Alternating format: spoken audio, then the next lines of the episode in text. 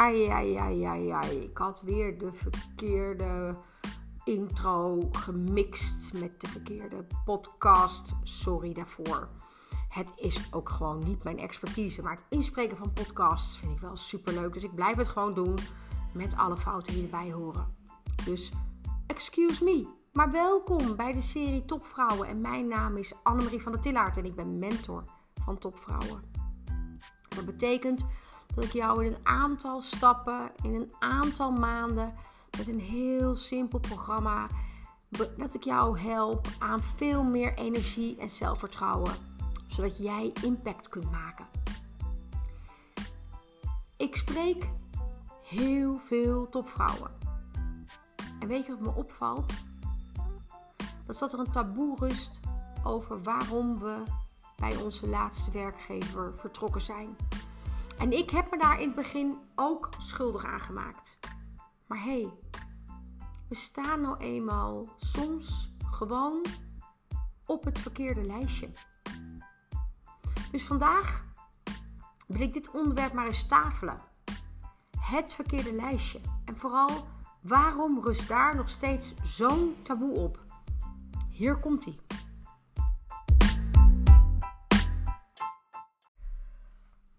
Als ik een beetje slis, dan komt dat omdat ik ehm, sinds kort een beugel draag. En als jij je afvraagt van, goh, waar heb jij dat nou weer voor nodig? Um, nou ja, ik zou zeggen, vraag het maar eens aan mijn tandarts, want die vond het heel hard nodig namelijk. En mijn tandarts is toevallig ook mijn beste vriendin.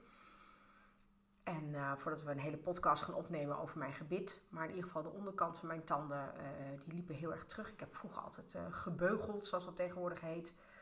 En um, ik merkte gewoon dat de tanden onderin uh, steeds uh, meer aan het teruglopen waren. En ik vond het heel erg lelijk.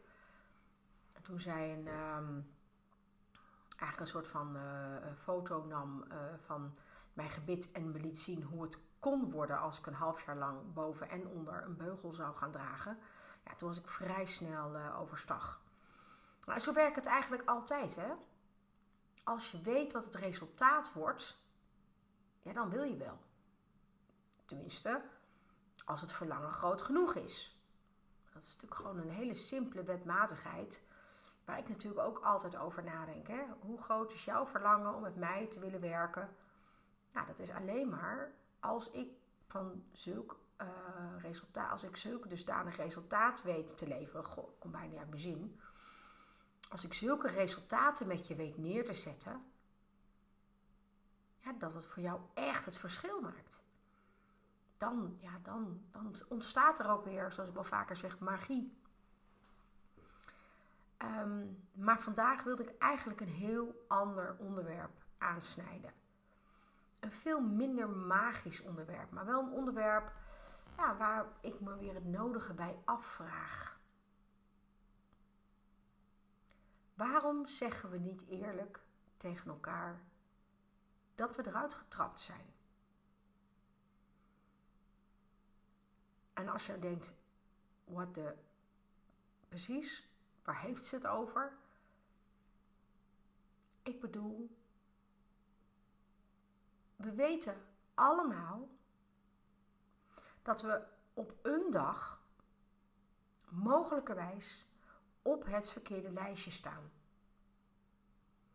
Sterker nog, toen ik nog werkte binnen uh, een grote corporate, noemde ik dit altijd. Er komt een dag en dan sta je op het verkeerde lijstje. En dat, weet je, dat zeg je zo heel makkelijk, hè? Er komt een dag en je staat op het verkeerde lijstje. Zo van, nou ja, whatever, dan zien we dan wel weer. Maar weet je, de dag dat je echt op het verkeerde lijstje staat en je komt daarachter, dat is een hele pijnlijke dag. Dat is de dag dat jij voorbij je houdbaarheidsdatum bent. Dat is de dag dat ze eigenlijk geen brood of geen toekomst meer in je zien. En zeker als je al langere tijd binnen een bepaalde organisatie werkt en je hebt je gecommit, is dat heel pijnlijk. En ik weet zelf echt hoe het voelt. Ook ik heb op het verkeerde lijstje gestaan op een gegeven moment. En ik weet nog dat ik zelfs onze, ehm, nou niet de chief HR officer, maar onze HR, ehm, onze VP vroeg. hey, zeg eens eerlijk, sta ik op het verkeerde lijstje? Dat hij zei, nee joh, natuurlijk niet. Dat lijstje bestaat niet echt. En ik geloofde hem ook nog op dat moment. Kun je nagaan hoe naïef. Maar ik stond echt op het verkeerde lijstje. En weet je hoeveel topvrouwen er ook op het verkeerde lijstje staan? Of hebben gestaan? Ondanks allerlei vrouwenquota en andere maatregelen om vooral vrouwen in de top zoveel mogelijk te stimuleren. Er komt een dag en dan sta je op het verkeerde lijstje. En die dag is heel pijnlijk. Ik dacht zelf,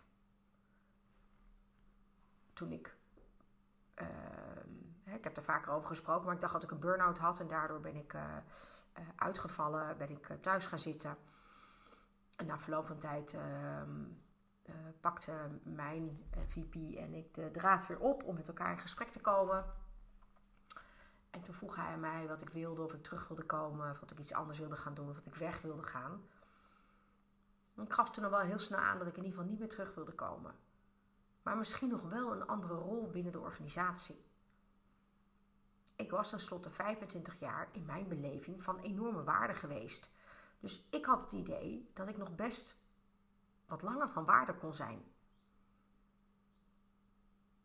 Dus toen ik dat uitsprak, dacht ik echt, nou, wie weet, is er zo waar nog wel een andere leuke opdracht voor mij binnen KPN. Helaas. Het bleek niet het geval. Want ik stond op het verkeerde lijstje. En ondanks het feit dat het door de HR-VP zwaar ontkracht werd, stond ik echt op het verkeerde lijstje. Want ik zal je nog sterker vertellen. Het is 2,5, al bijna drie jaar geleden. En ik moet nu nog teruggebeld worden over een aantal vacatures waar ik gesprekken voor heb gehad. Ja, serieus. Want toen ik namelijk merkte dat ik wel degelijk op het verkeerde lijstje stond en dat het lijstje dus echt bestaat, toen heb ik zelf het initiatief genomen om weg te gaan.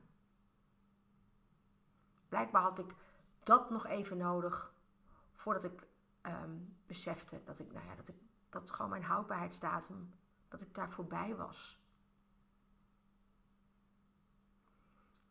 En het doet echt heel veel pijn. Op het verkeerde lijstje staan is afschuwelijk. Maar ik kan nu, jaren later, zeggen dat het echt waar is. When the Lord closes a door, he always opens a window. Dus daar waar de ene deur dicht gaat, gaat de volgende weer open. Het punt is alleen dat je echt moet toestaan dat die deur ook echt dicht kan gaan. Want pas als het echt donker is, kun je op zoek naar het nieuwe licht. En dit klinkt misschien heel zweverig, coming from me, maar ik meen het wel echt.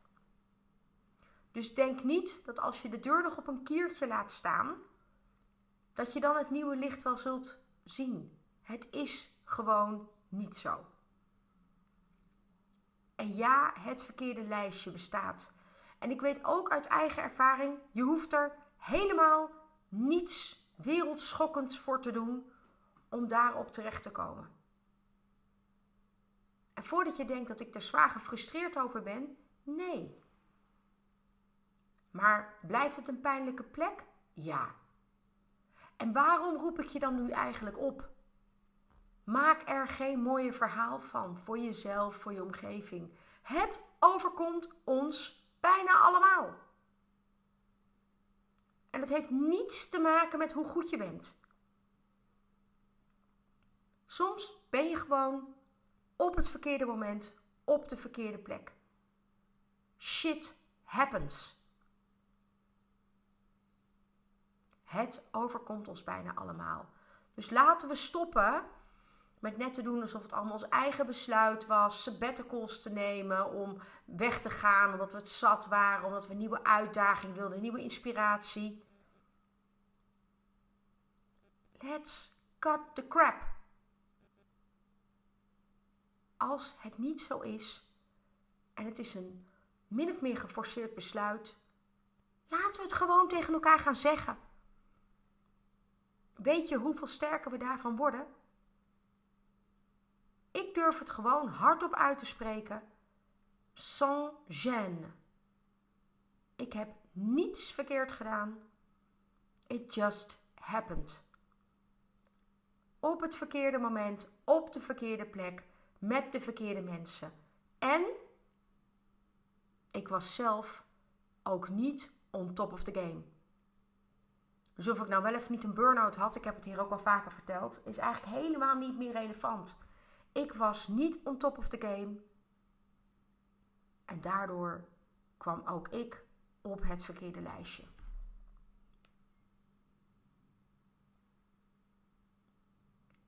En ik zou het onszelf echt gunnen dat we dit thema bespreekbaar maken. Want hier zit voor mijn gevoel namelijk nog wel steeds een taboe op. En ik geloof je echt hoor. Als je 15 of 20 jaar binnen een organisatie succesvol hebt gepresteerd. Ik geloof het echt dat het je is overkomen. Verkeerde moment, verkeerde plaats, verkeerde mensen. Hartstikke vervelend. Maar hoe sneller je gaat onderkennen dat dit de situatie is, hoe sneller je weer vooruit kunt. En hoe sneller jij ook weer bij jouw zelfvertrouwen kunt komen. Want die loopt er namelijk vaak wel even een deuk aan op. Dus als ook jouw houdbaarheidsdatum gepasseerd is, geef me dan dus een appje of een belletje of een DM'tje. Ik help je graag om je weer sterk te voelen en vol zelfvertrouwen, zodat jij, nou ja, nieuwe sollicitatieprocedures of misschien wel een complete career switch dat je die aan kunt. Met energie en met impact. Het verkeerde lijstje. Laten we er vooral voor zorgen, door erover te gaan praten, dat we het gaan omarmen.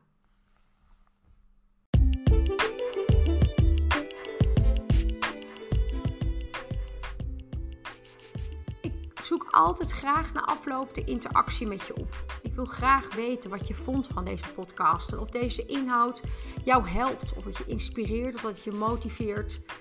En ehm, ook vandaag ben ik heel benieuwd hoe jij denkt over nou ja, dit thema, het verkeerde lijstje. Hoe valt dit bij jou? Hoe ervaar jij dit? Nou, laat het me vooral weten. Ik vind het altijd leuk om interactie te hebben naar aanleiding van een podcast. En nu je hier toch nog bent, abonneer je gelijk even. Of nog veel fijner, wil je deze podcast voorzien van een aantal sterren? Want ik ben heel benieuwd nou ja, hoe jij mijn ehm, stukjes ervaart. En door daar een aantal sterren aan toe te kennen, kan ik weer verder. Dus hartstikke fijn als je daar de tijd voor neemt. En voor de rest wens ik je nog een hele fijne dag toe.